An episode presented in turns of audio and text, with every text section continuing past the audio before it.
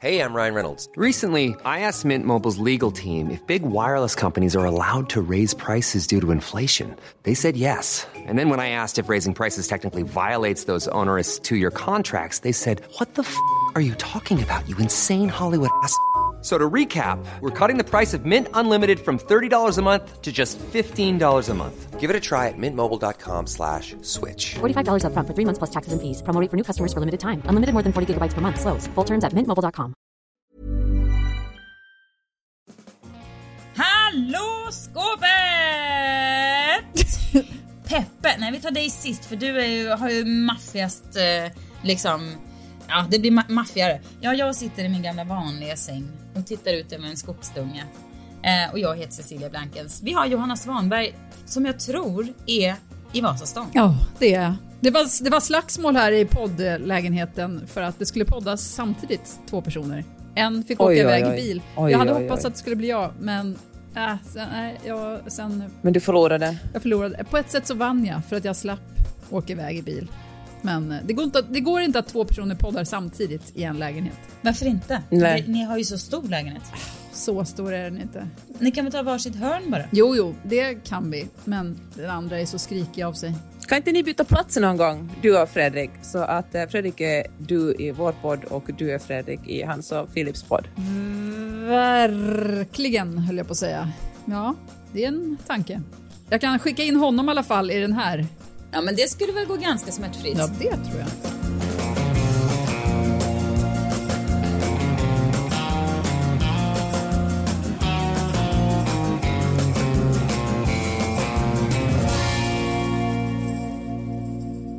Peppe, du är bortrest. Ja, det är det som är det spännande. Det stora avslöjandet. Var är Peppe? Var är Peppe? Alltså Peppe är på ön Kauai i, på Hawaii. Och hörni, det är så fint här. Det här är den grönaste och eh, mest regniga ön av alla. Men det är ett sånt tropiskt eh, klimat så det regnar i 20 minuter, ösregnar om det är ett varmt regn. Och sen tittar solen fram och, eh, och så är det varmt i solen och sen regnar det igen. Och det, alltså det är så fint här. Om jag ska klaga på någonting så är det en liten incident i morse. Jag steg upp tid först av alla, koka kaffe och eh, jag skulle, det, var så, det är en vanlig sån svart eh, kaffekokare som man har hemma, som man fyller på vatten liksom där bak. Och när jag hade på vattnet så det låg ett, ett eh, löv inne i själva den där eh, vattentanken. Och eh, så gick jag ta en, en sked för att plocka upp det här lövet. Så visade sig vara en tre centimeter lång kackerlacka. Och, eh, och om jag ska vara helt ärlig, tror jag, jag, jag, det var första gången jag kokade kaffe den här. Alla andra människor steg upp innan mig och jag tror faktiskt att vi hade marinerat den här ka- kackerlackan genom hela veckan. Så vi har- vad äckligt. Ja, det var kackerlackskryddat kaffe. Men det är någonting Oj, oj, oj. otroligt... eh, jag vet inte, man vill ju inte ha dem nära sig, kackerlackorna. Fast vet du vad, nu säger jag så här, oj, oj, men vet du vad sanningen är? Jag är så extremt oäcklad av kryp alltså. Jag spelar ingen Nej, roll. sant det? Men vadå, Alltså, du skulle inte ens ha problem... överhuvudtaget. Du skulle inte ens ha problem med kackerlackor marinerat kaffe i en vecka? Nej, skulle jag inte. Om det är lite så här mögel på min syltburk, då skrapar jag bort det och tar resten. Inga problem. Alltså, Mm. jag, jag, jag, eller så här om någon, någon nej, jag, jag är, det är inte så här. Alltså, jag fattar att andra tycker det är äckligt så jag säger så här, men om jag tänker efter så är jag så här, ja, det vore ju lite mer en chock kanske att bara, oh, en Ja. sån skulle jag nog bli. Men jag skulle inte bli så här, eller att folk får så panik över, ja men tack, Nej. det, det bryr jag mig inte om. Jag måste säga att min första tanke var gud vad jag blev så full i skratt så skrattade för mig själv för att jag tänkte det ska bli så kul att berätta det för alla andra. Det är ju en rolig, alltså det är en rolig historia att berätta vad folk har druckit hela veckan. Men eh, och det är jag faktiskt helt okej med det också. Men det som min eh, son gjorde när han var kanske, han, han har aldrig tyckt att det är obehagligt med, eh, när han var mindre tyckte han inte det var obehagligt. Jag kommer ihåg vi satt, han var kanske åtta eller nio, vi satt på skolgården och så kom det en kackerlacka springande och då tog han upp den i handen och lät den springa längs med sin arm liksom upp och ner och lekte med den. Och där, där drar jag gränsen, det skulle jag faktiskt aldrig någonsin göra. Det finns något liksom primitivt i mig som säger stopp där. Nej, jag tycker ändå att när de är utomhus så har jag mindre problem med dem. Det är när man ska dela, alltså det är som det, att se en mus Mu- när de är i din mun som du tycker är obehagligt. ja, exakt. ja, men det är någonting med när den är på ställen där jag inte... Alltså det, om man skulle hitta en i sängen eller om man skulle just ha en i köket och sådär, då tycker jag det är riktigt äckligt. Att se en, typ om jag var du vet, i en park och bara där kommer en kackerlacka. Då skulle man ju vara mer så här, ja ja. Men det kanske inte är kackerlackor utan mer gräshoppor och sånt där, men som är så otroligt proteinrika och att man ser liksom, det vet ni, att det finns så här att man kan använda som eh, proteintillskott, eller det gör man ju redan. Ja. Men jag har ju en, en uppfinning som jag tycker är, alltså att man ska göra eh, kackerlacks. Det är inte kackerlackor, men vi säger det nu bara för att det håller oss till ämnen. Men egentligen är det nog gräshoppor. Buljong. Fatta vad bra. Det. Om man bara skulle ha liksom en, en insektsbuljong och köra ner i all sin vegetariska mat. Då behöver vi inte hålla på med kött längre. Då får man allt protein man behöver och ingenting. Är Men vadå, en liksom buljong kan väl inte vara lika tröskel. proteinrik som, som en, alltså en bit insekt? En buljong är ju Ja, men man, ett vatten. Fast buljongen är ju pulver. gjord på, på liksom insektsmjöl. Jo, men att, att med, dricka en liksom, buljong kan väl aldrig vara lika mycket protein som om man skulle äta upp insekten? Alltså det, om man skulle göra ett insektspulver och, och viva, veva ner i sin typ vet, tomatsås, då kan jag förstå det. Men jag tycker det är så spännande där vad som man tycker är äckligt i mat, vad som är helt normalt att äta. Alltså, det är helt fine för de flesta människor ändå att äta liksom, söta små kalvar. Det är, liksom, Ja. det, känns, det är bara naturligt. Men sen är det äckligt att äta en, nej men tänk kanske ett ostron eller en, en, en, eh, eller en gräshoppa. Jag tycker det är ett bevis på att det finns så, alltså det är så mycket hittepå-känslor kring det vi äter. Alltså vi har bara bestämt oss för att någonting är äckligt och någonting annat är helt normalt. Ja, nej men verkligen. Det är ungefär som i den här boken vi läser i bok, vår bokklubb med Boki nu i ehm, om kvinnan som är uppvuxen eller som har flytt Saudiarabien och hon beskriver dubbelheten där, att man säger en sak och sen och sen men liksom det är så mycket dubbelt. Folk eller hon beskriver hur det finns så mycket regler för man får, ja, man får inte få göra, men å andra sidan så är det liksom, ja, det finns en dubbelmoral och sådär hela tiden. Och det är väl lite, Ja, verkligen. egentligen, det finns ju ganska mycket sånt i vår värld också, även om det kanske inte styr oss lika hårt, så finns det ju precis som det här, att vi bara hittat på att vissa saker är okej och andra inte. Varför skulle det vara mer okej att äta en gris än en Ja, hund? men sånt finns ju i alla delar ingen- av livet. Det är ju som att Ja, man ju. kan inte ha rött med rosa, eller eh, den gäller ju inte längre, men Nej, du vet. Jag bara Mm. påminner om att det där är en sån sak som jag tycker man har som skyldighet som människa och bara liksom kika efter hela tiden.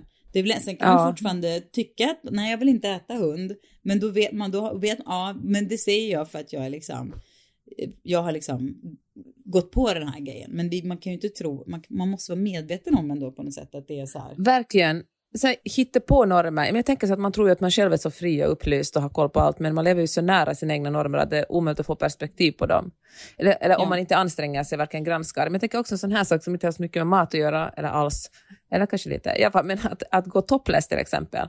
Att kvinnors bröst är sexualiserade, trots att det tekniskt sett är mat för bebisar. Medan, eh, medan mäns bröst inte är sexualiserade. Alltså det är ju också något som vi bara har kommit överens om i Ja. vår kultur, som egentligen inte har någon logisk förankring alls i sig. Nej, det är extremt konstigt. Men man kanske ska börja, man kanske ska börja sexualisera mäns bröst. För att det i slutändan sen ska sluta, att kvinnor slutar med det. Så att om man bara, om man bara liksom ser någon manstutte liksom på badstranden och så att man bara, man bara gör, ställer till en scen. Men jag tänkte Ja. från början så måste det ju, att, att de ens blev sexualiserade kvinnors bröst måste ju också höra ihop med att man som kvinna ofta vill täcka dem, alltså för att det inte ska skumpa. Det är ju en helt annan sak att ha bröst som rör sig än att inte ha det. Och så i och med att man börjar... Men hallå, det är väl också bara en sån där sak man har bestämt sig för att, oh, skump. Vad fan är det som är så farligt med det alltså, skump? nu, ingen av oss har ju problem med det för vi, eftersom vi har små lökar alla tre. Men jag tänker, har man större, Mm. alltså det fattar jag att det är, att det kan vara svinjobbigt att inte ha Jo, VH. eller du vet. göra som man vill. Ja, ja, men och då blir det ju en annan sak, att ibland så får man plötsligt se dem och då blir det en grej. Alltså sen menar jag inte att det är är normalt egentligen så som det är, Vem- men jag menar bara rent praktiskt så är det ju så. Det hade ju, det hade ju kunnat vara knän eller vad som helst Nej, egentligen. det hade så det ju inte. Det är liksom. Nej, men vänta nu. Det finns ju verkligen kulturer där det är fult att visa knäna eller halsen eller andra delar av kroppen. Alltså, så det är ju det är verkligen på allt det där. Sen finns det ju praktiska orsaker till att jag fattar, det är mycket skönare att rida med en sport-bh än utan, eller springa eller vad man gör. Men oftast i det var, vardagliga livet behöver man ju inte bh. Alltså, Alltså jag vet folk som aldrig vill utan bh. Alltså jag kan tycka det är konstigt när jag ser amerikanska filmer och man bara, men varför sover hon i bh? Men det är ju, och- alltså, och det är ju olika hur man gör. Men det vill vissa gud, Man göra. får göra som man vill. Ja. Men jag hävdar bestämt att fler skulle kunna klara sig utan bh än de tror. Eller klara sig. Skulle trivas svinfint utan bh. Man tar bara på sig den jävla bhn för att man känner sig lite obekväm med liksom tuttarna som Och sticker, är såhär koko, Nej, jag fram. tycker inte alltid att det du stämmer. Känns lite så här, Alltså utan att ha några jättelökar så tycker jag att det är ofta bekvämare att ha det än att inte ha det.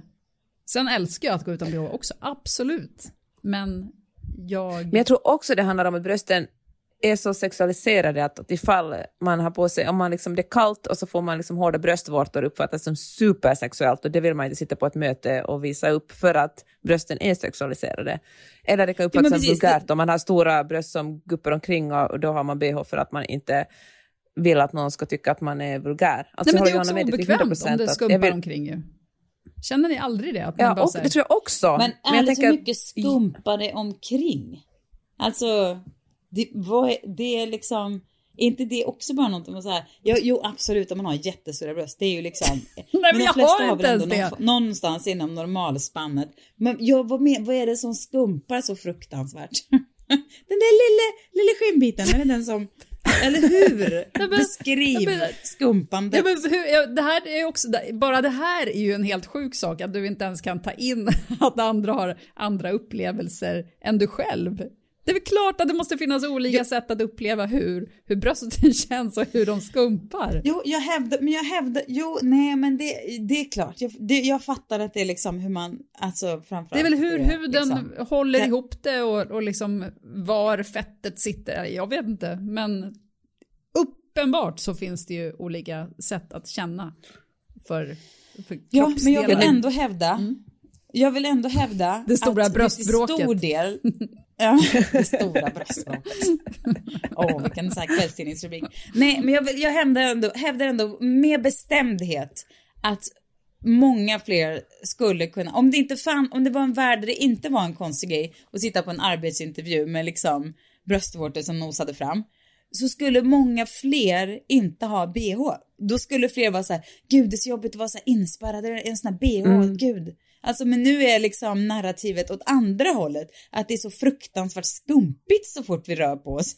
Och då menar jag, så jävla skumpigt är det väl inte för många ändå, att de bara måste spärras in. Om man provar och tänker efter. Jag säger inte, alltså jag har också bh på mig, herregud, jag har det nu. Ja, men varför Men, har du det, det- då? Om har- du tycker att det är så onödigt.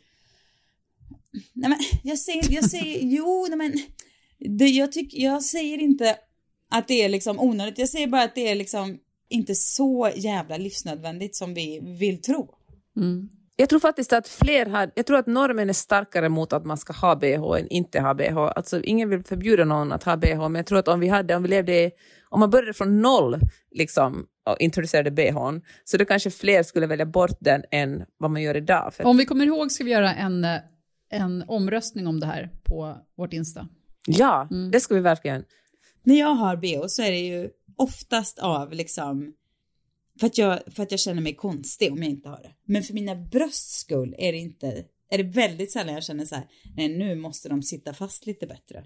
Och då menar jag att fler än man tror skulle kunna Ja, men jag kan tycka så här, har man bara runt hemma eller, eller går en så här väldigt långsam Jag Om jag skulle, du vet, gå ut på stan och så skulle man Annars behöva så springa någonstans eller du vet, gå snabbt eller något och då skulle man känna Ja, att det ja. börjar så dra i huden. Hur obehagligt är inte det?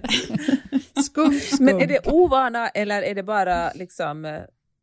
Ja, Jag ser man- framför mig hur dina, hur dina bröst är som så här, helt i otakt och bara far omkring som så här, vispar liksom åt alla Ja, men det är som sådana metallkulor som sitter på en ram och så när det sitter fem kulor i en rad. Ja, det är så det är. jävla otyglade. Ett, ett medicinskt mirakel. Fem kulor. Nej men det här är ju egentligen också helt oför, folk får ju såklart, det skadar ju ingen om man har bh på sig. Jag bara säger, jag bara tycker att det är liksom en typ, jag vet inte. Jag vet inte. Det är så, my- så mycket av det som bara är så här, man bara säger för att det är så här. Ungefär som att man säger, "Ih, vad äckligt med kackerlackor. Så, Oh, vad det är skumpigt utan Mm. bh. Bara, hur jävla skumpigt är det egentligen? Det är den frågan jag vill bara skicka med er. Mm. Hur jävla skumpigt är det? Peppe, jag har varit på Hawaii en gång. Mm. Det var precis efter att Per, vi, vi träffades och sen så friade han väldigt snabbt. Och, och sen åkte vi till Hawaii och det var ju jävla tur att jag sa ja för annars hade det blivit spänt. Vi var i LA när han friade, eller vi Ja. förlovade oss i LA. Och sen åkte vi till Hawaii dagen efter, det var ju lite spänd semester om eh, jag hade inte sagt ja. Men, så jag fick ju säga ja. Nej men jag sa ja för att jag ville Mm. gifta mig med honom. Ehm, och då tänker jag, har jag tänkt flera gånger, jag kommer aldrig komma tillbaka till Hawaii. Det var ju jättehärligt där, men det var liksom så. Och sådana tankar har plågat mig så mycket sista tiden. Det kanske har med våren att göra. Visst gör ont Mm. knoppar, brister och så vidare. Men tankar kring att så här, den tiden är förbi. Alltså, jag, jag vet inte, jag tycker det är jobbigt att leva med. Alltså det, kan, det är liksom en sån bitterljuv, alltså Mm. glädje över härliga saker man fått med om, en insikt att det är så här, det hän, barnen blir liksom inte så där, har inte blöja igen. Jag vet inte varför just det är drömmen, men den fasen liksom. Eller Ja, så. jag förstår, jag förstår vad du menar. Att man har fått uppleva någonting magiskt och, eh, och nu kommer, nu finns det inte längre. Men jag tänkte, kan man Nej, säga så här då, att, att det kommer andra otroliga saker som man kanske inte ens vet om. Ja, men det är det som som jag kommer tycker att är uppleva. mer så här att man undrar vad ska komma nu istället? För att det är klart att det inte kommer, Mm. alltså även om du inte kommer resa på samma sätt som tidigare, så det kommer ju eh, liksom öppna dörrar till någonting annat. Ja, ja, jag menar inte just resandet, utan jag menar mer liksom att det finns andra ställen man upptäcker, så jag kanske aldrig åker tillbaka till Hawaii, och, men också så här, ja men du Jaha, vadå, du sörjer att du aldrig- inte kommer tillbaka till Hawaii för att du ska åka till andra ställen? Det var ett exempel, nej, men jag menar det är ett exempel på så här, att då, eller kanske hela liksom setupen, att man var liksom 27 och nyförlovad och eh, du vet, livet var på ett visst sätt som var härligt då. Eh, Och sen fick man små barn och det var liksom kaos, men det var så jävla underbart och den här känslan av att dra ut en liten järndoftande bebis ur sin kropp och titta på den första gången. Aldrig mer. Det händer inte igen. Och så vidare. Ja. Det är liksom, jag vet inte, det plågar mig. Men okej, då måste jag fråga här, för att jag tror det finns två olika sorters människor det kommer till upplevelser. Det kanske inte funkar på att föda barn, men säg en resa. Är ni sådana som kommer någonstans och så ska ni maxa programmet, bara liksom se allt, uppleva allt och liksom, eh, ja men allt, det ska vara maxat för att man vet det kanske är sista gången. Eller är ni sådana som kommer till ett ställe och är så här, nu låtsas jag att jag bor här och tar det alldeles lugnt och bara super in vardagen på det här stället. Jag skulle gissa att jag är den andra. Nej men Alltså- i Paris då? Ja, i och för sig, men då swishar jag runt extremt, men då vet man också att man kommer inte komma hit på ganska länge igen. Och, och Pelle alltså mina barn vill se vissa grejer, man ska låta dem, alltså hade jag varit där själv, då hade jag ju suttit på olika kaféer och du vet stirrat. Sen hade jag gått till Mm. en bar och satt mig där. Alltså nu såg jag till exempel en, jag fick tips om en bar som ligger i Marais som är en en bokaffär och bar blandat. Vet man bara, det här är det finaste jag någonsin har sett. Här vill jag leva mina dagar. Där var jag ju inte ens inne eftersom jag reste med två barn. Alltså, vet, sånt skulle jag göra om jag inte hade rest med dem. Så det är ju också olika hur man, hur man gör. Nu var vi istället runt och kollade på alla turistgrejer och det var toppen även det. Alltså jag tycker att jag har gjort alldeles för många resor där jag har varit så här, åh vi bara åker dit och ser vad som händer.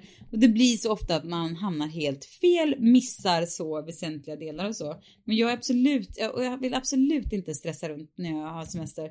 Däremot lägger jag ju väldigt mycket tid på research innan. Så att jag inte liksom hamnar fel. Alltså att jag vet att jag bor på ett hotell som jag passar mig och i en stadsdel som jag vill vara, ja, så vidare, så vidare. Men ja, absolut, jag är absolut en hellre slappare än så här. Nej gud, jag blir helt, oh, jag tycker det är hemskt när det är så här, upp med tuppen och du vet, jag vet vissa vet, kompisar som bara, ska vi inte åka på skidsemester ihop? Man vet att de är så här i backen 08 sharp. Man bara, nej, n- ni kommer hata oss så mycket för vi är i backen 11.45.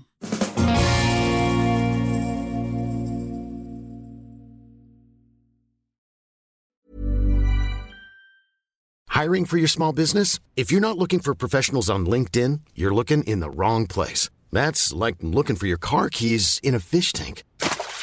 LinkedIn helps you hire professionals you can't find anywhere else, even those who aren't actively searching for a new job but might be open to the perfect role. In a given month, over 70% of LinkedIn users don't even visit other leading job sites. So start looking in the right place. With LinkedIn, you can hire professionals like a professional. Post your free job on linkedin.com slash people today. Hey, it's Paige DeSorbo from Giggly Squad. High quality fashion without the price tag. Say hello to Quince. I'm snagging high-end essentials like cozy cashmere sweaters, sleek leather jackets, fine jewelry, and so much more. With Quince being 50 to 80% less than similar brands. And they partner with factories that prioritize safe, ethical, and responsible manufacturing. I love that. Luxury quality within reach. Go to quince.com slash style to get free shipping and 365-day returns on your next order. quince.com slash style. Vad är du själv för sort, Peppe? Nej, men jag har gått från det ena till det andra. Jag har ett par kompisar som, jag tänkte på det, de ville liksom inte komma och hälsa på oss när vi hade flyttat till LA för att de tyckte att barnen var för små för att minnas någonting och då var det liksom slöseri med pengar att komma. För att då, ja, det blev inga core memories hos deras barn, så de väntade liksom några år på det. Och det tyckte jag var lite sorgligt för att man måste väl ändå, för man vet ju heller aldrig vad som händer sen. Tänk om det, ja, men just nu är jag verkligen den slappa typen. Och det här kan jag, för att jag tycker att jag får nästan panik av att stressa för att säga allting, för då blir det en sån här allt är sista gången och då känner jag att jag kanske inte riktigt njuter av det. Jag försöker, nu för tiden är jag mer, ja, men mer låtsas att jag, vad ska jag göra om jag ska bo här? Gå och dricka en kaffe här, liksom, bara göra sånt jag tycker om. Vi har till exempel bokat en, en sån här katamarankryssning som i och för sig lät väldigt härlig, men det skulle ta fem timmar. Och då tänkte jag, ska jag stå med en massa turister på den där, jag är ju också själv turist här, men på den där katamaranen i fem timmar och liksom titta på ön när jag istället kan men, surfa som lokalborna gör här. Ja, nej, verkligen slappt. Så det vill jag säga, jag har liksom inte sett supermycket av den här ön, men jag har försökt läsa på om den och jag tänkte att eftersom jag är här så kan vi ändå sprida en kort kunskap om Hawaii. Är ni beredda? Ja. Hawaii, mm. och nu kommer informationspaketet. Jag är på ön Kauai. Det finns ungefär 100, knappt 140 öar i det här öriket. Alla är absolut inte liksom, stora och bosatta, men det finns åtta stycken stora öar och Kauai är den som är minst utvecklad och den regnigaste och den grönaste. Och äh, den nyaste delstaten i USA blev en del 1959 och innan dess hade USA annekterat Hawaii, för de tyckte att det var en härlig plats. Lite sådär som Ryssland annekterar Krim, bara det här är nice, vi tar det. Och, eh, så det var, och vare sig, vare sig lokalbefolkningen vill det eller inte. Och eh, det handlar också delvis om att det är jätte, alltså Hawaii är ganska, det är ganska rika öar så att det finns mycket naturresurser att, att liksom roffa åt sig här. Och, eh, ja, och, så tog de, och, det, och så tog de liksom nästan all mark här, så bara ungefär en procent av all markyta på de här öarna finns kvar hos lokalbefolkningen. Det är liksom hotell och det finns eh, miljonärer, till exempel Mark Zuckerberg, alltså Metas grundare, han har köpt upp en jättestor del av Kauai, just den här ön, för han tyckte den var så fin. Och sa så här när han köpte upp det, det här är ju härligt, nu ska jag bli en i communityn, nu ska jag bli en, liksom, en lokal Kauai-bo. Och så byggde han en jättestor mur kring sitt område så att folk inte skulle kunna ta ner sig till stränderna. Och eh, han köper bara upp liksom större och större delar.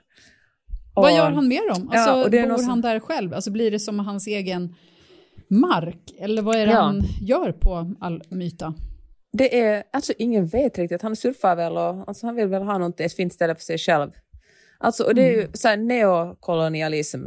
Alltså jag tycker det är så vidrigt. Alltså, det finns så otroligt rika människor som bara, de tar inte det med våld, men de eh, köper stora delar av, alltså det gör väl alla miljonärer här, köper en jättestora delar av, av någonting som de gillar och sen förbjuder de lokalbefolkningen att, att dela, dela det. Och då tänkte jag så här, måste man verkligen köpa allt man tycker är fint? Alltså även om man, om man har råd att köpa det, måste man äga allting? Kan inte Mark fucking Zuckerberg bara komma till Hawaii och vara sådär, det här är fint, jag vill tillbringa en stund här och vara här och, liksom, och låta folk, lokalbefolkningen äga sin del av ön. Måste man, liksom, måste man köpa det? Jag tycker det är på något sätt så girigt. Måste man äga allt man tycker är fint? Jag äger också saker som jag älskar. Men alltså, att köpa upp en hel ö eller en halv ö eller att hindra massor av folk att göra saker som, de, som borde vara deras rätt, så- det tycker jag absolut inte är rätt. Ja, Jag, jag vill ju alltid flytta dit jag åker. Det är liksom en sjukdom jag har. Alltså, jag vill alltid så här, oh, blir, man lever sig så in i, i liksom den där drömmen av om så här, ah, hur är det att bo här och bara, "Åh, tänk om jag skulle bo här och vips är huvudet igång. Så jag, det, han kanske har samma sjukdom och i kombination då med gränslöst med pengar så kanske det blir så att man bara, jag köper det. Ja. Ja. Ja, men själva driften att, det, att känna det. sig Ja. hemma på olika ställen är ju, alltså i alla fall för mig, otrolig. Alltså när man vet, man är i Paris, går runt och så bara, gud, tänk att bo här. Att, att känna att, att man skulle höra hemma på ställen som man tycker om. Om jag förstår det så kan jag också känna, alltså jag har ju också planerat ett liv på Hawaii nu, men, men räcker det inte att man kommer hit liksom och uh, hyr någon annans hus? Ja, eller bara köper ett hus och inte spärrar av hela, alltså man kanske inte bygger muren som, som hindrar folk från att ta sig till stranden. Samtidigt så, så tycker man ju förstås jätte, jätte, jättemycket om den här liksom, du vet, framtidsspaningen, att man ska äga mindre och dela mer och sådär. För det, det är Ja, ja. så rimligt alltså. Det är ju e- egentligen inte klokt att man har liksom, alla personer på vår gata har varsin bil. Vi hade väl kunnat liksom dela på hälften lätt. Eller och så vidare och så vidare. eh, Så. Och det, man kanske, men det kanske är jag som är liksom, våra barnbarn kanske kommer liksom du vet, tycka att man är så sjukt så här boomer som höll på så här. Jag menar, det är ett mindset som kanske man inte tar sig ur eh, jättesnabbt, för det är så otroligt så här. Det är något skifte som behöver göras, för det, man kommer ändå från en bakgrund där det är så här. Du vet, det är så här föräldrar som har varit så här, sån stolthet över att kunna bygga sitt Ja. eget hus och köpa sin egen bil och du vet så här wow. Och det, det är väl så man, och jag säger inte att det är någon så här ursäkt, jag menar bara att det är liksom, det är inte så här, jag gillar idén, men jag, det kanske, är- jag behöver, jag kan säkert, alltså jag tycker, jag kommer verkligen ta till mig ju mer vi går åt det hållet. Men det är inte så att jag sitter och drömmer om det kanske. Nej, men jag hör, alltså jag hör det verkligen. Jag tycker också det är härligt att äga fina saker.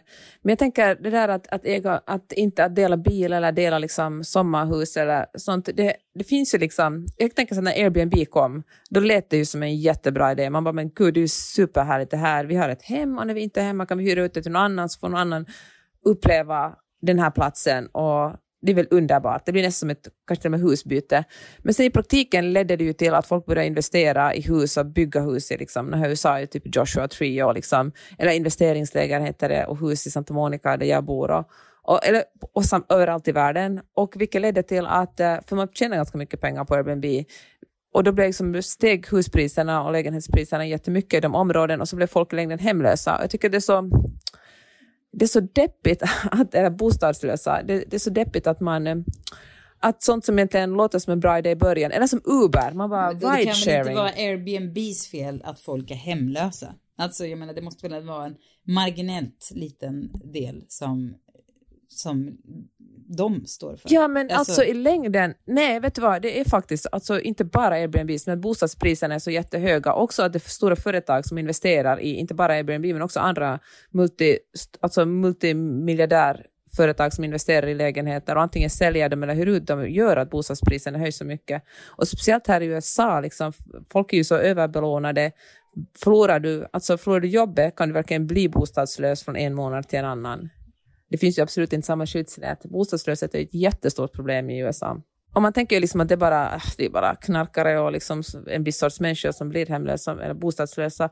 Och det är ju, men det är ju alltså, jag tror att om man bor, om man blir det, om man liksom utan ett hem, tror jag att det går ganska fort att man börjar trösta sig med annat. Det, är liksom, det ena leder väl ofta till det andra. Det är väl ett otroligt tungt liv att inte ha liksom en home base. Även om man liksom inte sover utan tak över huvudet, utan sover hos kompisar med den där osäkerheten att att aldrig riktigt veta liksom hur det ska se ut nästa vecka eller kanske till och med imorgon. Men jag läste, en, jag läste en text, jag vet inte om ni läste den, men den här om de svenska miljardärerna som är den mest spännande text jag läst på länge. Mhm, jag har inte läst den, berätta. Ja men den är i Svenska Dagbladet tror jag va? En text om hur Sverige har gått från ett liksom, man tror att Sverige är så här, oh det går inte att det här kan man aldrig bli rik på så, för att, men Sverige har gått för de senaste 20 åren är ett, ett skatteparadis. Om man har mycket pengar så kan man, eh, så är det fantastiskt eh, lite skatt man behöver betala för att man sätter dem i sån här fonder och på dem är det 6% skatt. Ja, skit i det, det är inte så mm. viktigt. Men i alla fall. Och då, det finns så mycket miljardärer i Sverige att det, per, att det finns fler per capita än, det är typ ett tionde plats i världen, alltså fler än i USA. Är det sant? Det är så mycket folk med så mycket pengar här som bara har exploderat senaste åren. Och um, då är det så många av de här som då har gjort stora pengar på fastigheter och inte minst i de här utsatta områdena där det skjuts och gäng, ja, det, kriminalitet och sådär. Eh, mm, I de här områdena är det liksom folk som har köpt eh, fastigheter och sen så gjort stora pengar på det, men de man ser liksom inte, de, de skulle man också kunna tänka sig hade ett ansvar i eh, hur utvecklingen ser ut i vissa områden, att det liksom inte ja, att man inte tar ansvar för miljön och skolor, alltså närmiljön och skolor, mm. utan det blir segregerat och sådär. Men då, då är det liksom folk där som har tjänat eh, väldigt mycket pengar på de här fastigheterna. Och så. Ja, det var en intressant vinkel. Ja, vi får helt enkelt posta, den, liksom, posta eh, länk till mm. den här mm. texten, för den är faktiskt... Tyckte du den var spännande, Johanna? Ja, verkligen.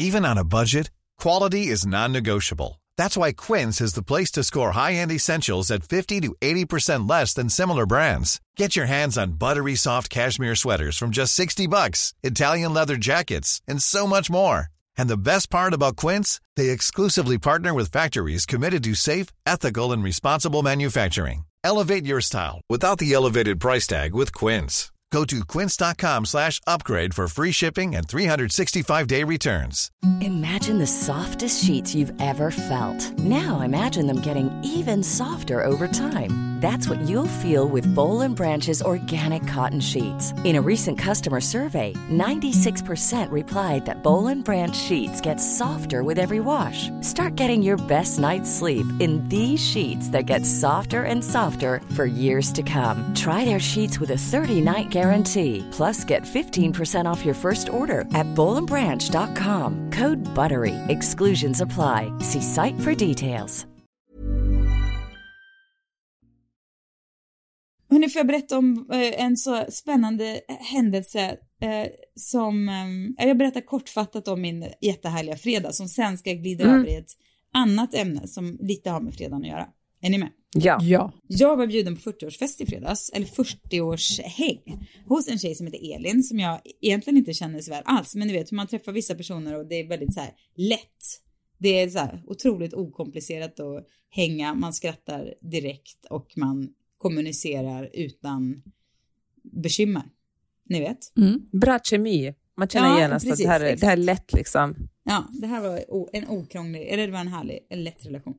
Så att vi har inte känt varandra så länge, så, men så då blev vi i alla fall bjuden på den här och det var hennes man som eh, liksom, överraskningsinbjöds. Och det var jag och så var det fyra, tre, och så var det hon och så var det tre andra av hennes eh, så här, kompisar. Någon var en gammal arbetskompis och någon var en så här barndomskompis och någon var en gammal så här, granne och träningskompis. Men alla kände henne väldigt väl, men ingen kände varandra utan det var verkligen så här från spridda världar. Och sånt där kan man ju, tycker jag i alla fall, jag, jag menar, social, jag tycker det är kul med sociala sammanhang, men kan tycka så här, oh, när man ska kasta sig in i ett sammanhang med folk man inte känner, du vet, jag, uh, jag kan tycka att det är så här otroligt um, krävande. Du vet, när man ska mm. på någon så här möhippa med folk man inte känner. Jag är liksom, uh, jag, jag, det ja, vem, så kanske alla känner, vad vet jag. Men jag, tyck, jag tycker att det är liksom uh, jobbigt eller svårt. Så jag var lite så nervös, hur ska den här dagen gå? Men liksom, det är klart, jag ville ju gå ändå förstås för att hon fyller 40 vid 17. Det är klart man, och man, och man känner sig väldigt så här smickrad över att bli bjuden. Eh, men så, så, och genast när vi träffades allihop så var det så här, det var så otroligt eh, skrattig och kul stämning. Och vi hade en sån otroligt bra dag. Alltså fem personer som alla kände Elin men ingen av oss kände varandra. Och sen när vi gick därifrån, liksom, det var liksom en spadag som gick över till en kväll och vi bara drack vin och åt mat och sen när man gick därifrån så var det så här, man visst vi hade delat så mycket med varandra och det liksom hejdå-kramen var så här, hejdå. Det var som, ja det var otroligt fint att träffa, du vet hur det kan bli så. Mm. Det händer inte jätteofta. I alla fall, några dagar senare så skrev Elin i en story på sin Instagram om att banga. Hon skrev att jag är, är en bangare men, men eh, ja, jag har förstått att det inte är så här, man kan inte bara banga saker och sen um, strunta i det. Och då tänkte jag att vi kunde prata om ämnet banga och bangare. För då tänkte jag på, tänk om jag hade bangat hennes 40-årsfest i ren liksom nervositet eller feghet över att umgås med folk jag inte känner. Då hade vi missat den här härliga dagen. Men är ni bangare eller är ni inte bangare? Hmm, jag är nog en inte icke-bangare. Jag, nästan till den grad att jag ibland ångrar mig. Jag bara, men fan, var jag verkligen tvungen att, äh, att äh, gå också på det här? Men jag tror att det handlar om att jag har liksom en... Alltså jag känner att jag Men måste ska vi ta reda ansvar. ut vad en bangare är? Alltså det är ju, man har ju kompisar och bekanta som man vet så här, man bjuder in till saker och de säger ja vad kul, det kan till och med vara de som tar initiativet. Man bara woo, woo, yeah, yeah, woo, peppen är bara på. Sen bara, mm, jag känner mig lite snuvig, det är nog bäst jag stannar hemma. Och det händer liksom inte en gång och man vet att den där snuvan det är liksom. Mm. Det kanske inte är en snuva utan det kanske är, åh nej, det har råkat komma upp en annan, eller det har råkat dubbelbokas här. Ja, det, Ja. det har kört ihop sig. Det som man vet Ja. är att det Eh. som man själv har planerat är det som bortprioriteras. Ja. Ja. Men man vet ju de personerna. Alltså man, ibland räknar man ju med att ja, den sa ja, men man vet ju att den kommer ändå att banga. Alltså det finns Ja, ju det- fem sådana personer i ens. Det är så frustrerande just för att man vet Bekantskapskrets att de alltid är så peppade innan. Att de är liksom Mm. så, ja vad kul, det här ska vi göra. Och så tro, går man på det ett kort tag tills man sen blir besviken igen. Jag tycker faktiskt att det är otroligt oförskämt att banga. Elin då skrev i den här storyn att hon hade fått en så här tankeställare när hon hade gjort det någon gång. Det var någon tjej som hade bjudit in, någon kompis som hade bjudit in till en middag och sen så hade hon känt såhär, nej men gud vad skönt att vara hemma bara istället. Ja, det var ju inget så personligt mot henne, mot kompisen. Det är väl sällan det. Men man uppfattar det ju 100% så själv. Alltså, om jag har bjudit in till fest och man bara såhär, fan, ens orka bjuda in till fest liksom, eller bjuda in till fest, gud det låter gammaldags men ha fest. Och så har man bjudit in folk och bara woho, man har liksom så här lagt så här, ja men lite sin själ i det för att man bara ta initiativet är ju en stor grej liksom. Och sen så får, sitter någon liksom bortskämd jävel och bara nej men jag är lite sugen på att vara hemma. Alltså det är så fräckt, men så tänker ju inte den andra personen förstås. Men hon har i alla fall fått någon tankeställare, är den då när en middag, hon, hon ställde in, hon dök inte upp på en middag hon skulle gått på och den här tjejen som hade middagens man hade hört av sig till henne och bara sagt så här, så jävla dålig stil att inte dyka upp och hon hade blivit jättesur först. Men så här i efterhand så kände hon väl att, eh, ja, han kanske hade en poäng. Ja, alltså jag tycker att Jag vet inte varför det är så accepterat och nästan som en liten så här kul grej att vara en bangare. Jag tycker det är Nej, jag tycker inte att det är en kul grej, men däremot så tycker jag, alltså jag är inte en bangare skulle jag säga, särskilt inte nu. Du är, väl, du är verkligen inte bangare. Nej, jag eh, vill alltid vara med där jag får. Eh, där, där någon tillåter mig. Eh, nej, men däremot så kan jag absolut ha den där bangare. känslan av att, äh, ska jag verkligen? Först på plats. Fast det var ju mer Ja. förut, nu är man ju så svältfödd på allt, så nu är det liksom bara att tacka ja och, och vara jätte, jätteglad varje gång. Men däremot så skulle jag aldrig ta, alltså jag kan irritera mig absolut på folk som bangar varje gång, men jag skulle ju inte lägga tid, alltså jag skulle aldrig höra av mig till någon och säga du det här var fel. Alltså för det kan jag tycka är en otroligt onödig grej. Varför lägga fokus på den som inte kom? Varför inte bara lägga fokus på de som faktiskt kommer istället? Nej men jag vet, men jag, jag, jag känner mig liksom lite så här, jag blir liksom ganska förolämpad och ledsen, lite personligt kränkt av det. Alltså. Fast sen så är det ju en sak med sådana man, inte- man vet bangar, där, där räknar man upp med det. Men det är också synd om, vill man vara en sån person som är så här, en bangare, hur kul är det liksom? Man får fan ta sig samman tänker jag. För det är klart att man känner så här, "Öh, nej gud ska jag inte bara vara hemma och äta chips istället. Alla känner så. 100% varje gång är man ju så Ja, här. det känner man ju alltid innan en fest, eller innan vad som helst känner jag. Jag känner Ja. det inom vad jag än ska göra känner jag att det kanske ändå är skönt att stanna hemma. Sen blir det ju, sen ångrar man ju sig ytterst sällan. Men jag kan också känna så här ibland, att jag måste ta, alltså om, om man ser från andra hållet kan jag verkligen känna sådär att jag tar ansvar över allas känslor och så att men gud vad folk kan bli ledsna om jag inte kommer. Och då tänker jag, borde, eller här, borde jag kanske ibland ta lite lugnt, att det inte är så viktigt om jag är där eller inte, att jag på något sätt tror Nej. att min närvaro har en, en större betydelse än vad den egentligen har. Nej men det är precis det är klart att man, jag tycker man kan få, det är klart att man kan få göra det om det blir så man märker att det bara, nej det passar verkligen inte så här. Du vet, ungarna är så här, vi har inte sett ordentligt på hela veckan, jag är skittrött. Jag trodde jag skulle vara på humör men det visade sig att det blev helt fel. Det är klart man inte ska liksom pressa sig då. Men den gången kanske man får göra en på tio då. Att man, det får bli så. Men man, Det beror ju också Alltså, på vad det är för, för igen. arrangemang.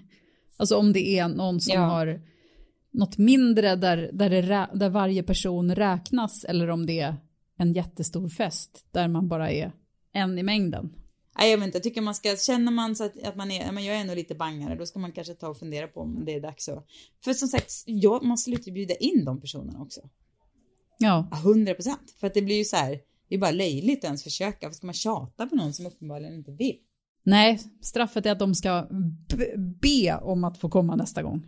Jag tror inte jag har varit någon fest när man bara, när det inte har varit någonstans på vägen, man bara säger gud, ugh, jag vill bara vara hemma. För att det är så här, det är ju ett litet mankelimang. Man ska på i med kläder och man ska boka taxi och man ska liksom vara på högvarv lite grann och man vet att det så här, kräver en del av en. Jo. En gång som Även vi inte kommer känna så, Cecilia, det är ju på Elgalan nu på fredag som vi ska på. Ja. Det, den kommer ha gått av stapeln när, när det här avsnittet kommer ut. Men eh, Ja. vår pepp kommer inte ha dött. Vet ni vad jag känner inför Elgalan? Nej. Jag har ju aldrig gått på Elgalan för, för att jag aldrig heller för jag har aldrig blivit inbjuden. Men jag har ändå aldrig varit liksom inne i den. Jag har aldrig bott liksom i Stockholm. Så jag har liksom haft en, eller alltså ni fattar. Och jag tycker att det är lite skönt för att jag kan förstå att om jag hade varit inne i den kretsen och inte fått en inbjudan så skulle jag känna en sån enorm FOMO just nu för att ni ska gå på den här festen som låt- låter som en otroligt rolig fest. Alltså det låter som årets, en av årets topp fem fester i år.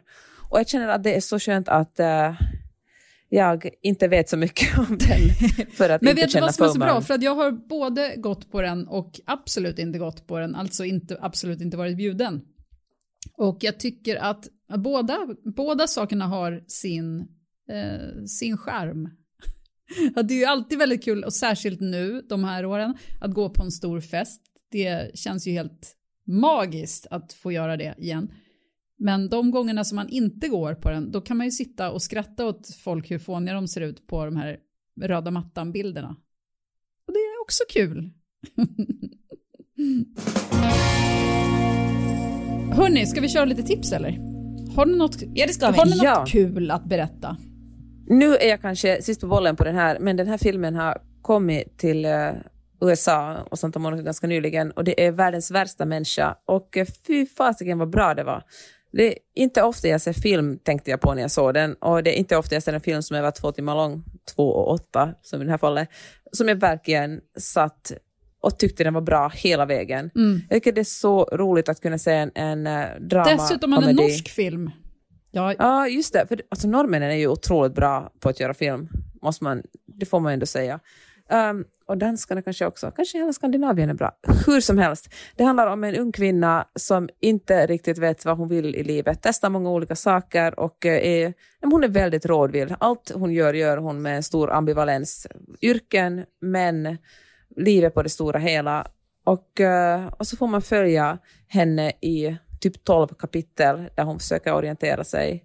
Och det är så mänskligt och det är roligt och det är sorgligt och det handlar om att eh, hur, ja, men hur ska man leva? Jag tycker det är en ja, otroligt sympatisk och, och film. Ja, det var Den verkligen en, en om. filmupplevelse. Det är sällan som man ser en, en bra typ romcom nu för tiden som är smart och kul. Verkligen. Okej, och den heter Världens värsta Världens människa. värsta människa. Jag, jag tipsade om den för några veckor sedan, Sissan. Men vad, det kanske var, jag kanske hade någon slags... eh, Du lyssnade inte som Glapp i vanligt. min- Nej. Nej, precis. Det är Jag väl så som jag känner när du säger något om fåglar, ungefär. Vad ska du tipsa om för kul idag? Eh, Jag hade ett fågeltips på gång, men nu när du säger så så kanske jag inte delar med mig av det. Då får alla lyssnare bli lidande. Istället kommer jag tipsa om en sak som eh, är... Det, jag, nu, så här, ni kommer tips, jag kommer mer med så här påminne, på, påminnare. Mina saker är kanske lite mer vis, självklara, vad vet jag. Men jag vill säga så här, jeans. Det vet ni Va? Jeans? vad det är. Jeans. Nej, vad sa du? Jeansbyxor. Ja. Det, Ja. det, man det hittar man, de bästa jeansen, nu ska jag försöka få det här till en sån här en tavla man kan brodera på väggen, ungefär så tydlig vill jag vara. De bästa jeansen finns alltid begagnat.